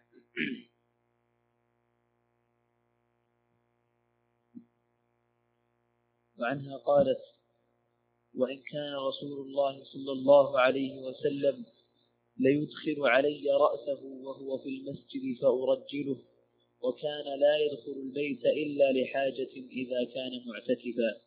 رواه البخاري. في هذا الحديث دليل على عدم مشروعية خروج المعتكف من معتكفه إلا لحاجة. وذلك النبي عليه الصلاة والسلام أخرج رأسه ولم يخرج هو. لأنه لم يخرج بقدميه وأنه ينبغي للإنسان أن يشدد يشدد أن يشدد في هذا فلا يتساهل فيه لأيسر حاجة لترجل أو طلب حاجة زائدة ونحو ذلك. لذلك النبي عليه الصلاة والسلام أخرج رأسه لعائشة ومعلوم أن في مثل هذا شيء من التكلف. يتكلف الإنسان. وما فعل النبي عليه الصلاة والسلام ذلك إلا لأنه لأنه لا يجوز أن يفعله لأن الترجل ليس بحاجة ماسة لذلك قالت بعد ذلك إلا لحاجة. كأنها ترى الترجل ليس للحاجة التي تسوغ الخروج. وفيه دليل على أن الإنسان لو نذر أنه لا يخرج من مكان من مكانه الذي هو فيه وأخرج رأسه منه أنه ليس أنه لا شيء عليه. وأنه قد أوفى بنذره ما لم يخرج بقدميه بجسده تاما. وفيه دليل على جواز الخروج للحاجة. لذلك قالت إلا إلا لحاجة. والحاجة هنا قد اختلف فيها العلماء عليهم رحمة الله تعالى في معناها. فذهب جمهور العلماء إلى المنع من الخروج مطلقا. إلا لحاجة ماسة جدا كاتباع جنازة الوالدين ونحو ذلك. وذهب الإمام أحمد عليه رحمة الله تعالى إلى التيسير في هذا إلى عيادة مريض ذي رحم أو اتباع جنازة صديق أو إيصال أهل كما فعل النبي عليه الصلاة والسلام وما عدا ذلك فلا. وقد شدد في هذا بعض العلماء عليهم رحمة الله تعالى وقالوا أنه لو خرج إلى داره من غير حاجة بطل اعتكافه قالوا ولو عاد ولو تبع جنازة من غير والديه أنه بطل اعتكاف. هذا مروي عن مالك وقال به عطاء بن رباح. ومروي أيضا عن سعيد بن جبير. الصواب في هذا أن الإنسان إن خرج لحاجة كأن يتبع أهله وكان يتبع جنازة برحم أو يصل رحما احتاج إليه ونحو ذلك أو يتفقد حال أهله لحاجة ما فلا حرج في ذلك. ويجوز له أن يخرج لصلاة الجمعة إذا كان اعتكافه في غير مسجد جامع. على قول على قول الجمهور خلافا لمالك رحمة الله تعالى فإنه لا يرى اعتكاف إلا في مسجد جامع أصلا. لأنه يرى بخروجه ذلك بطلان. ومن خرج من غير حاجة فقد أثم. ويحرم على المعتكف مباشرة أهله. ولذلك يقول الله عز وجل في كتابه العظيم ولا تباشروهن وأنتم عاكفون في المساجد. المباشرة المراد بذلك الجماع ومقدماته. وقد جاء عن عبد الله بن عباس رضي الله تعالى أنه وصف بذلك كما رواه ابن جرير الطبري وابن أبي حاتم. بإسناد صحيح عنه من جامع فقد بطل اعتكافه. ومن ارتكب ذنبا فكبيرة. فهل يبطل اعتكافه أم لا؟ عند الجماهير يبطل. وهو قول الإمام مالك وأبي حنيفة والشافعي. قد ذهب الإمام أحمد رحمه الله تعالى في المشير عنه إلى أنه لا يبطل. ولكنه يأثم بذلك وهو مغلط في حقه لأنه في حال عبادة. ولا أعلم في ارتكاب الآثام وبطلانها والخروج والخروج من المعتكف لغير حاجة نص عن أحد من أصحاب رسول الله صلى الله عليه وسلم. وإنما هو قول وأقوال تحكى لمن جاء بعده. فلا يبالغ في التشديد في ذلك ولا يتساهل. بل يقال أن الإنسان لا حرج عليه أن يخرج. النبي عليه الصلاة والسلام قد تبع صفية لما عادته في معتكفه فتبع إلى داره. ومعلوم أن حجرات النبي عليه الصلاة والسلام بجوار مسجده. فلا حرج عليه أن يتبع أهله حتى تتوارى في دارها. وكذلك أن يعود مريضا من ذي رحم أو يتبع جنازة والديه أو ذي رحم ونحو ذلك. فإن هذا مما يحتاجه الإنسان. وفي هذا الحديث دليل على مشروعية أن يعتني الإنسان ببدنه ومظهره من ترجل وتنظف وتطيب. فالنبي عليه الصلاة والسلام كان يدخل رأسه على عائشة رضي الله تعالى لترجل ومعلوم أن في مثل هذه الهيئة شيء من عدم العادة أو شيء فيها من التكلف. النبي عليه الصلاة والسلام ما فعل ذلك إلا أن هذا من المستحبات والمرغبات حتى في حال الاعتكاف. وأن الإنسان في موطن عبادة فالأولى أن يكون في أحسن هيئة وأحسن حال. نعم.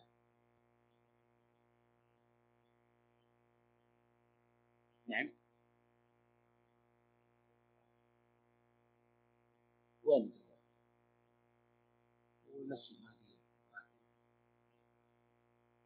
جيبوا لك لا وشنطة كيسة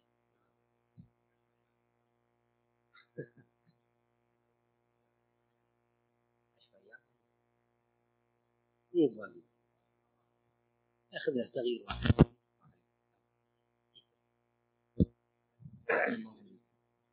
وعنها رضي الله عنها أنها قالت السنة على المعتكف. أن لا يعود مريضا ولا يشهد جنازة ولا يمس امرأة ولا يباشرها ولا يخرج لحاجة إلا لما لا بد له منه ولا اعتكاف إلا بصوم ولا اعتكاف إلا في مسجد جامع. رواه أبو داود وقال غير عبد الرحمن بن إسحاق لا يقول فيه قال في السنة جعله قول عائشة. هذا الحديث لا يصح رفعه. وقد ذكر قوله من السنة عبد الرحمن بن إسحاق ولم يوافق عليه. وصواب أن هذه اللفظة ليست من عائشة عليه رضي الله تعالى وإنما هي من قول من جاء بعدها إما من الزهري وإما من عروة. يقول الدار قطني عليه رحمة الله تعالى وقوله من السنة هي من قول من دون عائشة كعروة. فلا يصح قول من السنة بل هو منكر. وهذا موقوف على عائشة عليه رضوان الله تعالى. وتقدم الإشارة على هذه المسائل في مسألة مسجد الجامع. دليل على هذا. وذهب بعضهم إلى أن الاعتكاف لا يكون إلا في المساجد الثلاثة وهذا قول مهجور. قد جاء في حديث منكر لا اعتكاف إلا في المساجد الثلاثة. قد جاء من حديث حذيفة بن اليمان عليه رضي الله تعالى. وهو حديث لا يصح عن رسول الله صلى الله عليه وسلم بل منكر واحد جدا. وقال بعضهم أنه لا اعتكاف إلا في المسجد الحرام ومسجد النبي عليه الصلاة والسلام وقال بذلك الإمام مالك. وروي عن عطاء والصواب الاعتكاف عام في كل مسجد وإن لم يكن مسجد جامع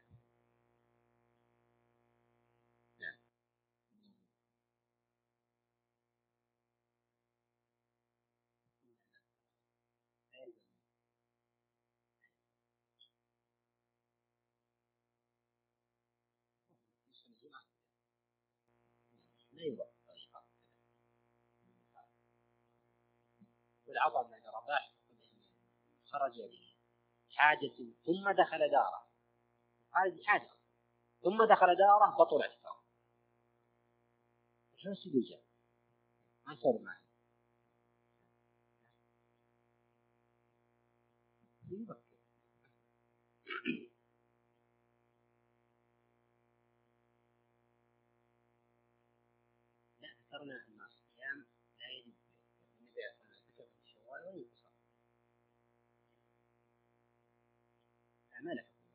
فهمه بعضهم في الزون وعروة على خلاف بالنسبة لقول من السنة ولكنه يقال هو الأولى. هو الأولى أن يكون بالصيام لكنه فكيف يكون بالصيام؟ ويعلى بن أمية يقول إني لا أدخل المسجد ساعة ومع أني لا يجب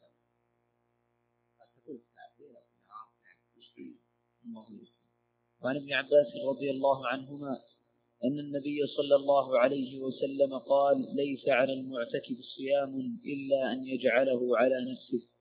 رواه الدار قطني والحاكم والصحيح أنه موقوف ورفعه وهم والله أعلم. هذا الحديث لا يصح لا يصح مرفوع النبي عليه الصلاة والسلام. وقال أنكر رفعه الإمام الدار قطني عليه رحمة الله وكذلك البيهقي. وغيرهم. وقد جاء عن عبد الله بن عباس عليه رضي الله تعالى ما يخالفه. كما رواه ابن أبي شيبة وكذلك البيهقي. في سند صحيح عبد الله بن عباس عليه رضي الله تعالى. أنه قال ليس على المعتكف صوم إلا أن يفرضه على نفسه.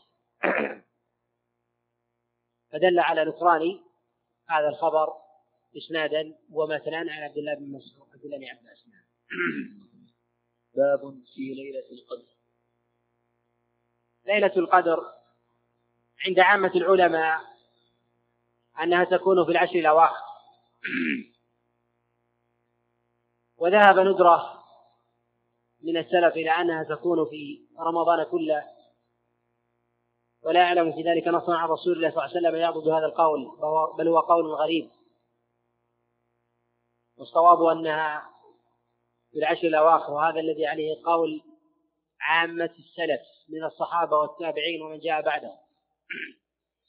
وليلة القدر ليلة عظيمة جليلة فيها أنزل الله عز وجل القرآن إلى السماء الدنيا وأنزله على نبيه عليه الصلاة والسلام منجما بعد ذلك وهي خير من ألف شهر. وهذا يدل على فضلها ومقامها ويروى في الخبر أن رسول الله صلى الله عليه وسلم اشتكى لربه قصر أعمار أمته مقارنة بالأمم السابقة فأعطاه الله عز وجل ليلة القدر ولا يصح. وليلة القدر من المواسم العظيمة الجليلة التي ينبغي للمرء أن يعتني بها قياما ودعاء وذكرا وآكد الأعمال فيها عند الله سبحانه وتعالى هو القيام والدعاء. آكد من الذكر. وذلك أن الإنسان بحاجة للإجابة وأن يسأل الله عز وجل حاجته ليعطيه سؤله. فينبغي للمرء أن يعتني بذلك وأن يقوم العشر كلها ويبتهل الله عز وجل ويتضرع عله يوفق لها فإن وفق فقد وفق إلى خير عظيم وإن حرم فقد حرم خيرا عظيم أيضا. فهي لا تأتي في السنة إلا مرة. فقد لا يقدر الإنسان أن يدركها فيما يأتي. فقد يدرك الإنسان ليلة القدر ويدعو الله عز وجل بدعاء يستجاب له فيوفق في ذلك في دينه ودنياه. فيفلح ويسدد ويلهم وينجو ويعتق من النار. وربما يحرمها الإنسان بذنب أصابه. لذلك النبي عليه الصلاة والسلام خرج ليعلم أصحابه بليلة القدر فتلاحى فلان وفلان ثم رفعت كما جاء في الصحيحين وغيره الله عليكم وعن ابن عمر رضي الله عنهما أن رجالا من أصحاب رسول الله صلى الله عليه وسلم أروا ليلة القدر في المنام بالسبع الأواخر. وقال رسول الله صلى الله عليه وسلم أرى رؤياكم قد تواطأت في السبع الأواخر فمن كان متحريا فليتحرها في السبع الأواخر متفق عليه. في هذا الحديث دليل على أن الرؤى إذا تواطأت يعمل بها ولا حرج في ذلك. والرؤيا جزء من سبعين جزءا من النبوة وهي النافذ الوحيد الباقي من الغيب. ولا يقطع الإنسان به. فقد يكتنف الرؤيا وهم من راوي أو عدم ضبط لها وقد لا تكون رؤيا وتكون حلما. وقد يخطئ المؤول والمعبر مهما كان تمكنه في هذا الباب. فأبو بكر الصديق عليه رضوان الله تعالى قد أول عند النبي عليه الصلاة والسلام فقال له النبي عليه الصلاة والسلام أصبت بعضا وأخطأت بعضا. فكيف بغيره ممن هو دونه ومن هو في الصديقية؟ والملهم المحدث عليه رضوان الله تعالى. وفيه دليل على أن الرؤيا قد تقع كما رؤيت من غير ولا تحتاج إلى تأويل. من غير صرفها عن ظاهرها كما في هذا الخبر. وفيه دليل على أن آكد الليالي من رمضان هي السبع الأواخر. وآكد هذه السبع هي ليلة سبع وعشرين. وقيل بعد ذلك ليلة إحدى وعشرين. وقد جاءت كذلك عن النبي عليه الصلاة والسلام. وعن أبي سعيد الخدري رضي الله عنه قال اعتكفنا مع النبي صلى الله عليه وسلم العشر الأوسط من رمضان. فخرج صبيحة عشرين فخطبنا وقال إني أريد إني أريت ليلة القدر ثم أوتيتها. اعتكفنا مع النبي صلى الله عليه وسلم العشر الأوسط من رمضان. فخرج صبيحة عشرين فخطبنا وقال إني أريت ليلة القدر ثم أنسيتها أو قال نسيتها فالتمسوها في العشر الأواخر في الوتر. وإني رأيت أني أسجد في ماء وطين فمن كان اعتكف مع رسول الله صلى الله عليه وسلم فليرجع. فرجعنا وما نرى في السماء قزعة فجاءت سحابة فمطرت حتى سال سقف المسجد وكان من جريد النخل. وأقيمت الصلاة فرأيت رسول الله صلى الله عليه وسلم يسجد في الماء والطين حتى رأيت أثر الطين في جبهته. متفق عليه واللفظ للبخاري. في هذا الحديث دليل على مشروعية اعتكاف غير العشر الأواخر في العشر الأواسط والعشر الأول وأن كل ذلك مشروع. وقد اعتكف النبي عليه الصلاة والسلام في رمضان وفي غيره كما تقدم. وفيه دليل أيضا على جواز اعتكاف الجماعة. وأن ذلك لا يؤثر. ما لم ينشغلوا بغير ما اعتكفوا لأجله من عبادة الله عز وجل والقرآن ونحو ذلك.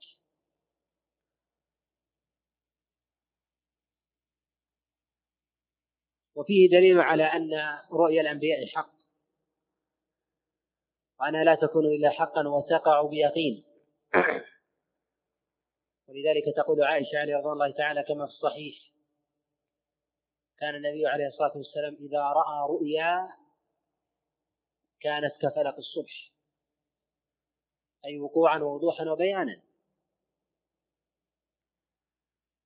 وفي ذلك أيضا أن الإنسان قد يستأنس بالرؤيا لمعرفة ليلة القدر فيحرص على ما أريد وليلة القدر لم يصح في شيء من علاماتها قبلها وما جاء من علاماتها في الصحيح هو بعد انقضائها.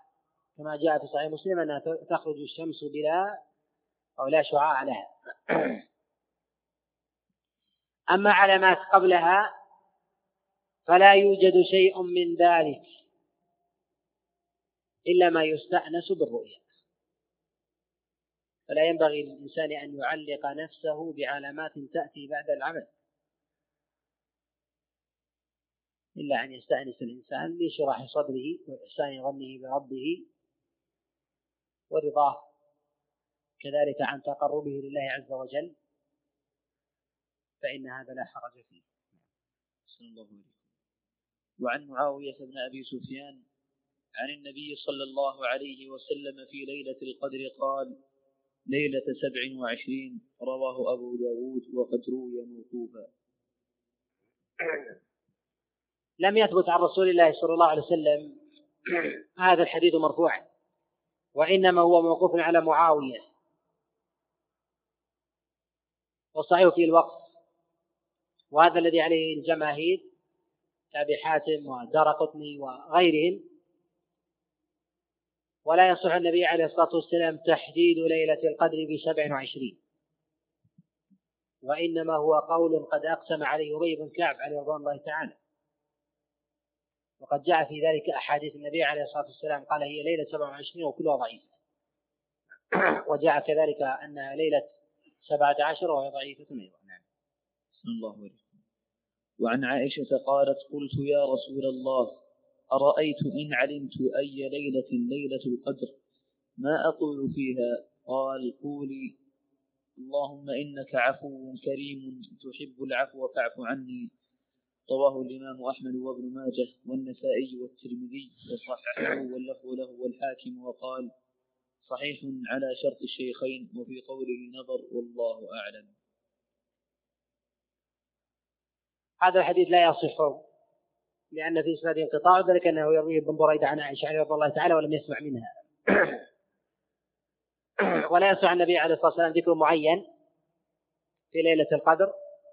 ولا في العشر الأواخر وإنما الإنسان يجتهد بالدعاء عامة وبذكر الله عز وجل بالصلاة بقراءة القرآن ويحرص على جوامع الدعاء.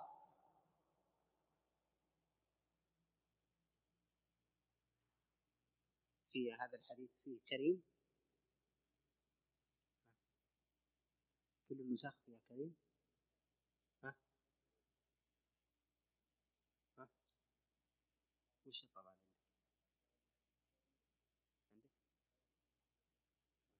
عندك تكون كريم هذه زيادة لا أصل لها. لا أصل لها في شيء عن النبي عليه الصلاة والسلام لا في الحديث ولا في غيره. جاءت في بعض الكتب وربما في بعض النساخ والنقلة ولا تثبت عن النبي عليه الصلاة والسلام. ولا يصح النبي عليه الصلاة والسلام شيء في الدعاء في ليلة القدر ولا في العشر الأواخر كلها. فيجتهد الإنسان بالعموم بالدعاء ويحرص على جوامعه كما هو حال النبي عليه الصلاة والسلام.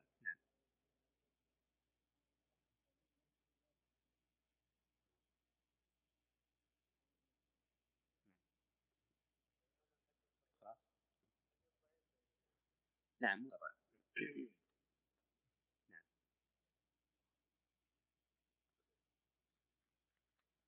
مسألة ختم القرآن.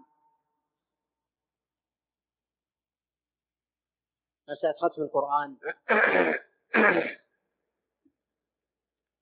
في صلاة التراويح والقيام لم يثبت عن النبي عليه الصلاة والسلام ولا عن أحد من الصحابة. أما قراءة القرآن وختمه في رمضان والعناية بذلك فقد جاء النبي عليه الصلاة والسلام أن جبريل كان يدارسه القرآن في رمضان فدارسه في العام الذي توفي فيه القرآن مرتين.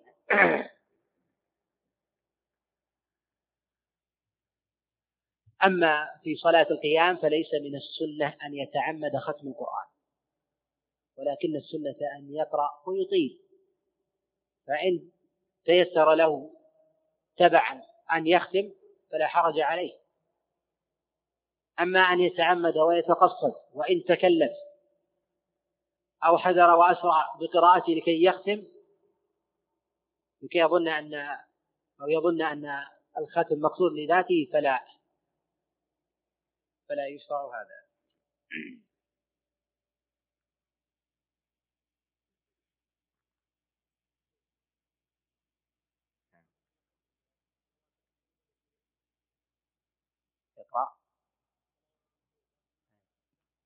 إذا كان يتعبد في هذا فهذا خلاف السنة. أما إذا كان يجعله وردا له لكي يستحضر ما حفظه ونحو ذلك فلا شيء عليه. يقول هل أفضل الإنسان أن يصلي التراويح في الليل مع الإمام أم أن يقوم بالأمر بالمعروف والنهي عن المنكر؟ آه، المنكرات في الأسواق في ليل رمضان. الأولى الإنسان أن يجمع بين هذا وهذا ولا يجعل الأمر ضيقا لعمل واحد. فيعتني بهذا وهذا. إذا كان الأمر لا يتيسر ف يتناوب الإخوة بالجمع بين الأمر بالمعروف والنهي عن المنكر.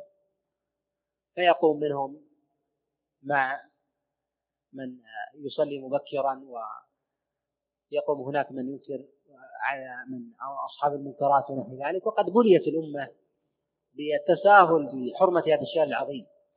فجعل هذا الشهر العظيم مناسبة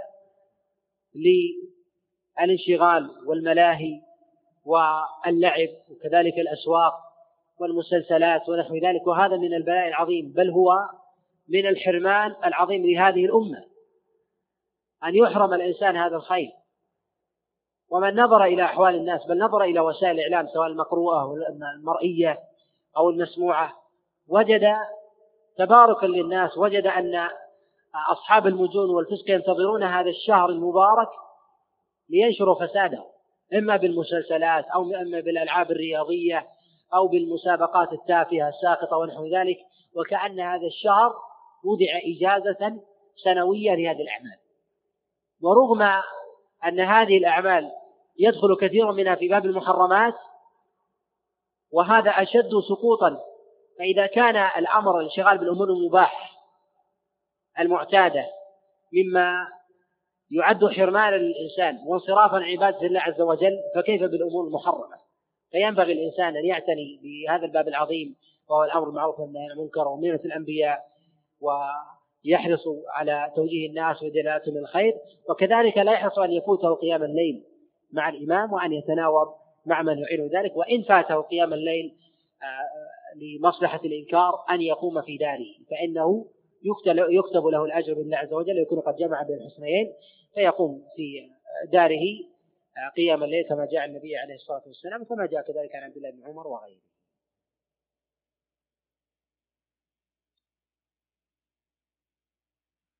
يقول رجل عليه ثلاثة أيام رمضان الماضي وحان الآن شهر رمضان ولم يصوم. هل عليه كفارة؟ لا عليه. لا لا عليه كفارة وإنما يصوم بعد ذلك. والكفارة ليس عليه دليل وتقدم مطرح هذه المسألة. يقول نصيحة الاعتكاف لمسائل هذا حديث منكر. باطل.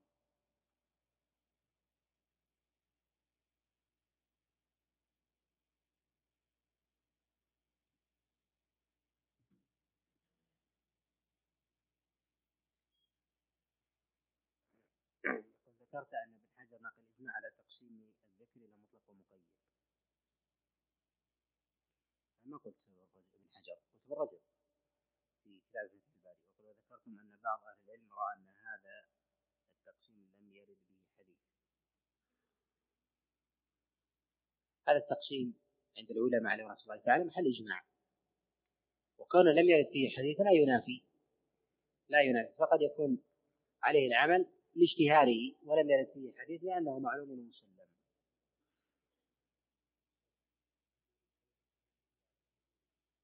لم يرد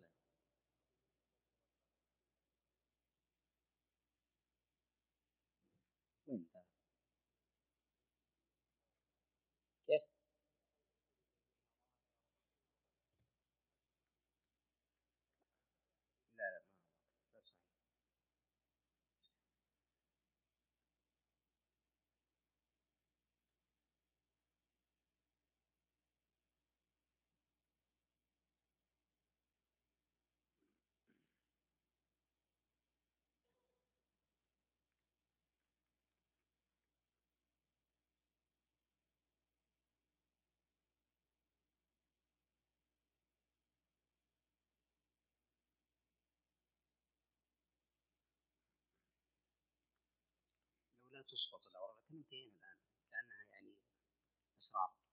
يتعبنا ذا الفتح.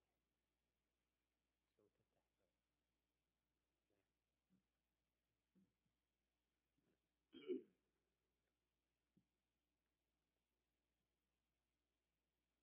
فذكرت أنا بالحجر حكى الإجماع. أنا لم أقل بالحجر. قلت بالحجر إلا بالرجل؟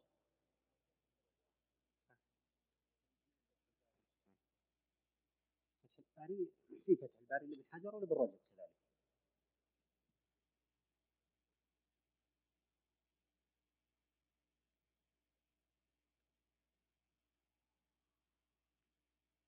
ولا يشترط المعتكف أن يصلي الجمعة في أقرب جامع أن يصلي اين شاء يصلي في أقرب جامع هذا الأولى.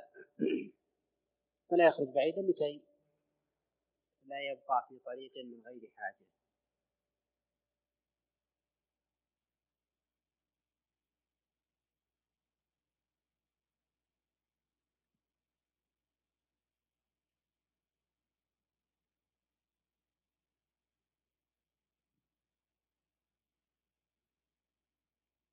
والناصحة أن الملائكة ترفع أعمال الناس ليلة القدر في ذلك يستطيع الإنسان أن يرى الشمس آه، هذا لا أصل له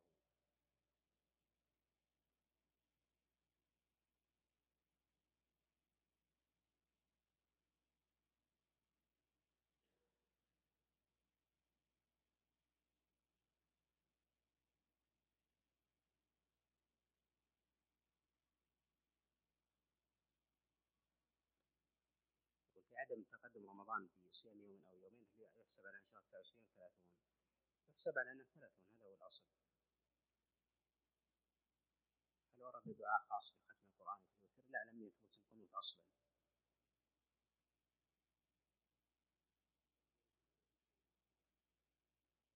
الله فيه نظر احتمال لكن يظهر يظهر ثبوته يظهر ثبوته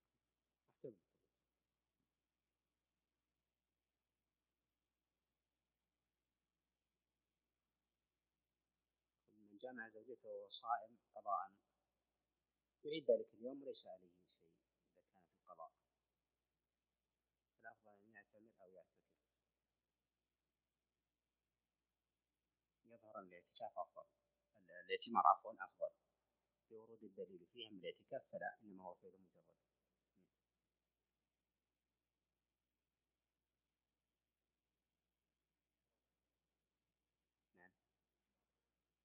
رمضان غير مشروع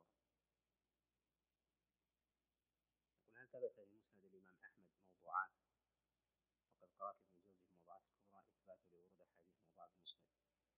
لا يوجد موضوعات بالمعنى وإنما هو قد أورد جملة من الأحاديث الموضوعة في مسنده وقد رد عليه ابن حجر عليه رحمة الله تعالى في كتاب سماه القول المسدد في الذب عن مسند الإمام أحمد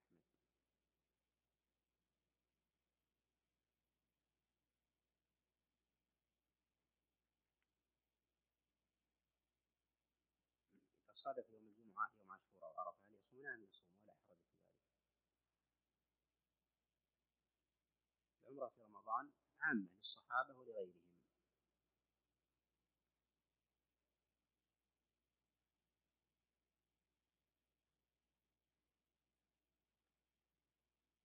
يقول سوف يقوم التلفاز في هذا الشهر ببث مسلسل 16 18 هذا المسلسل يعرض في حلقات بالاستهزاء ذلك ما ما تكلم أهل الباطل إلا لما سكت آه، العلماء. وما تجروا على دين الله عز وجل إلا لما رأوا صمتا. وثمة تلازم بين جرأة أهل الفسوق والمجون وبين سكوت العلماء. وبقدر تكلمهم وقوتهم في الحق بقدر ما يضمحل الباطل وتنطفئ ناره وبقدر ما تنطفئ نار أهل العلم ويقل إنكارهم بقل ما يقوى المنكر وهذا معلوم مشاهد. من نظر إلى حال الأمة في هذا الوقت وجد سكوتا عجيبا من كثير من ينتسب العلم. وهذا لا شك أنه أنه من الخذلان وهو من أعظم العقوبة والحرمان الذي يحرم به العلماء. فمعقد الشبه بين العلماء وعلماء بني إسرائيل هو سكوتهم عن قول الحق وبيانه للناس وإنكار المنكر وبيان الخطأ من الصواب للناس. فإن سكتوا عن الحق أن يقولوا حقا وسكتوا عن الباطل يقولوه باطلا وأن يدفعوا عن صاحب الغي أن يدفعوا أن يدفعوا صاحب الغي عن غيه ويدلوا ويدفع صاحب الخير إلى رشده. فإنهم لا شك أنهم علماء سوء وضلال. ومن نظر إلى أحوال الأمم السابقة في القرون بعد النبي عليه الصلاة والسلام وجد كثيرا ممن ينتسب إلى العلم وجد كثيرا ممن ينتسب إلى العلم في هذا الباب كثير من الصمت عن قول الحق وترك القيام بأمر الله عز وجل. وفي عصرنا من باب أولى. ولذلك ينبغي للإنسان مهما قل قدره وقل شأنه أن يناصح العلماء بأن يقوموا بأمر الله ويذكرهم بحق الله عز وجل عليهم وما أخذ الله عز وجل عليهم من الميثاق. أن يذكرهم بهذه الأمانة العظيمة التي حملها الله عز وجل إياه فالعالم بحاجة إلى تذكير وبحاجة إلى نصيحة فليس هو بالمعصوم. ولذلك ينبغي للإنسان إن لم يكن قادرا على إنكار المنكر بنفسه أن يذكر العلماء بالله وأن يذكرهم بأهمية الأمر بالمعروف والنهي عن المنكر وأنهم مسؤولون أمام الله عز وجل وأنهم إن فرطوا فالعقاب عليهم من الله عز وجل عظيم. شيء ذلك من أول من تسعر بهم النار يوم القيامة منهم عالم وقارئ وما فعل ذلك من العلم والقراءة إلا لأجل الدنيا. فالعلم لا يعصم الإنسان.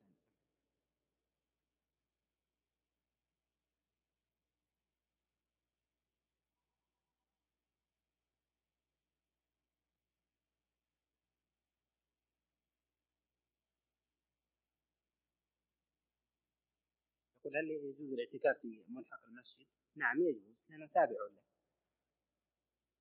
هل يجوز أن تعتكف المرأة لوحدها في المسجد الحرام؟ نعم يجوز. ولا شيء عليه.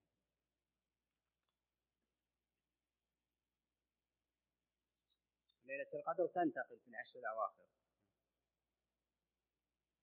ومن الانقطاع في حديث عائشة؟ اللهم إنك عفو تحب العفو. بين أبو بريدة وعائشة عليه الله تعالى فلم يسمع منها هل يجب المعتكف أن يحدد مدة الاعتكاف؟ هذا هو السنة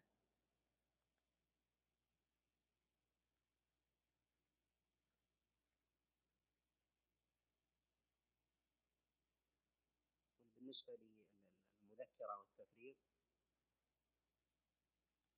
المذكرة سيضعها الإخوان غدا بإذن الله عز وجل في أحد المكاتب فهي أنها شبه انتهي منها. فيستدرك ما ذكر اليوم ويلحق فيما فات؟ ولعل الأخ أبو عمر محمد الشبانة هو الذي يعرف المكان الذي يوضع فيه.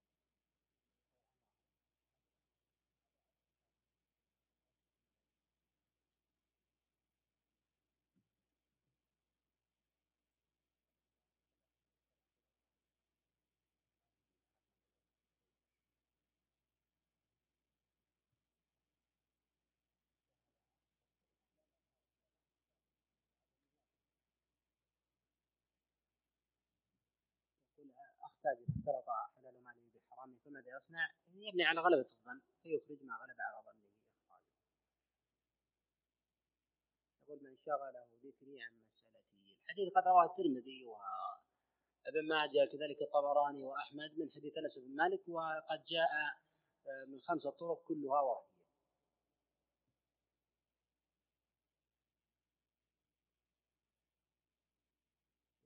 نصيحة حديث أهل المذاكرة أهل المجالسة حديث باطل لا أصل له ولا تجوز ثاني برمضان لا بأس بذلك. قد رخص فيه أحمد والشافعي كذلك ابن القيم وابن رجب. قل قلتم بضاعة الدليل عشرا ثم أقررتم به. أقررنا فيه خشية أن يختلط على الشيخ الكبير لأنه قد عمل به موجود في الأذكار فيلتبس على هذا والذي أرى ضعف العمل بتهليل عشرا بعد الفجر وبعد المغرب وذلك لأن في إسناد شعب حوشب لكن جاء في سنن أبي داود بالتهليل عشرا في أذكار الصباح والمساء بإسناد لا بأس به.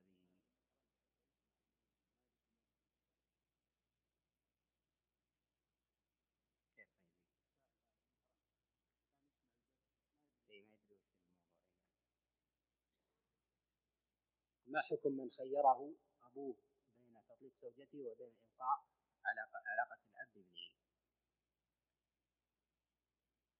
قد ذكر القاضي بن يعلى في الطبقات عن عبد الله بن أحمد أنه جاء رجل لأبيه فقال إن أبي إن أبي يأمرني أن أطلق زوجتي. قال لا تطلق.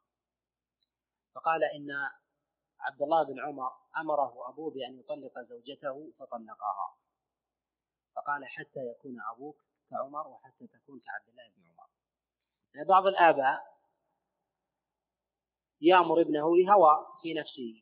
وهذا فيه إضرار فلا طاعة لمخلوق في معصية الخالق وإنما طاعة بالمعروف فلا يقال بأنه يطاع حينئذ.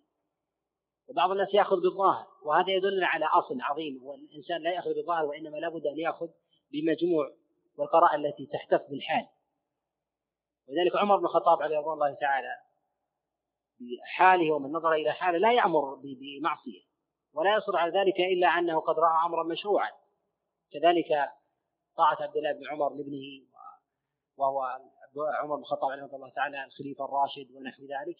لا يجعل هذا قياسا مطردا في كل حال.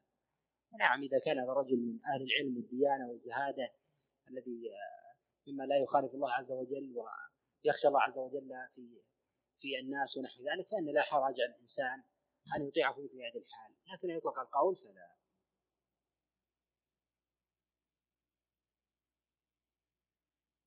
هل أن إعلان دعاء الاستفتاح في صلاة الليل اللهم رب جبرائيل؟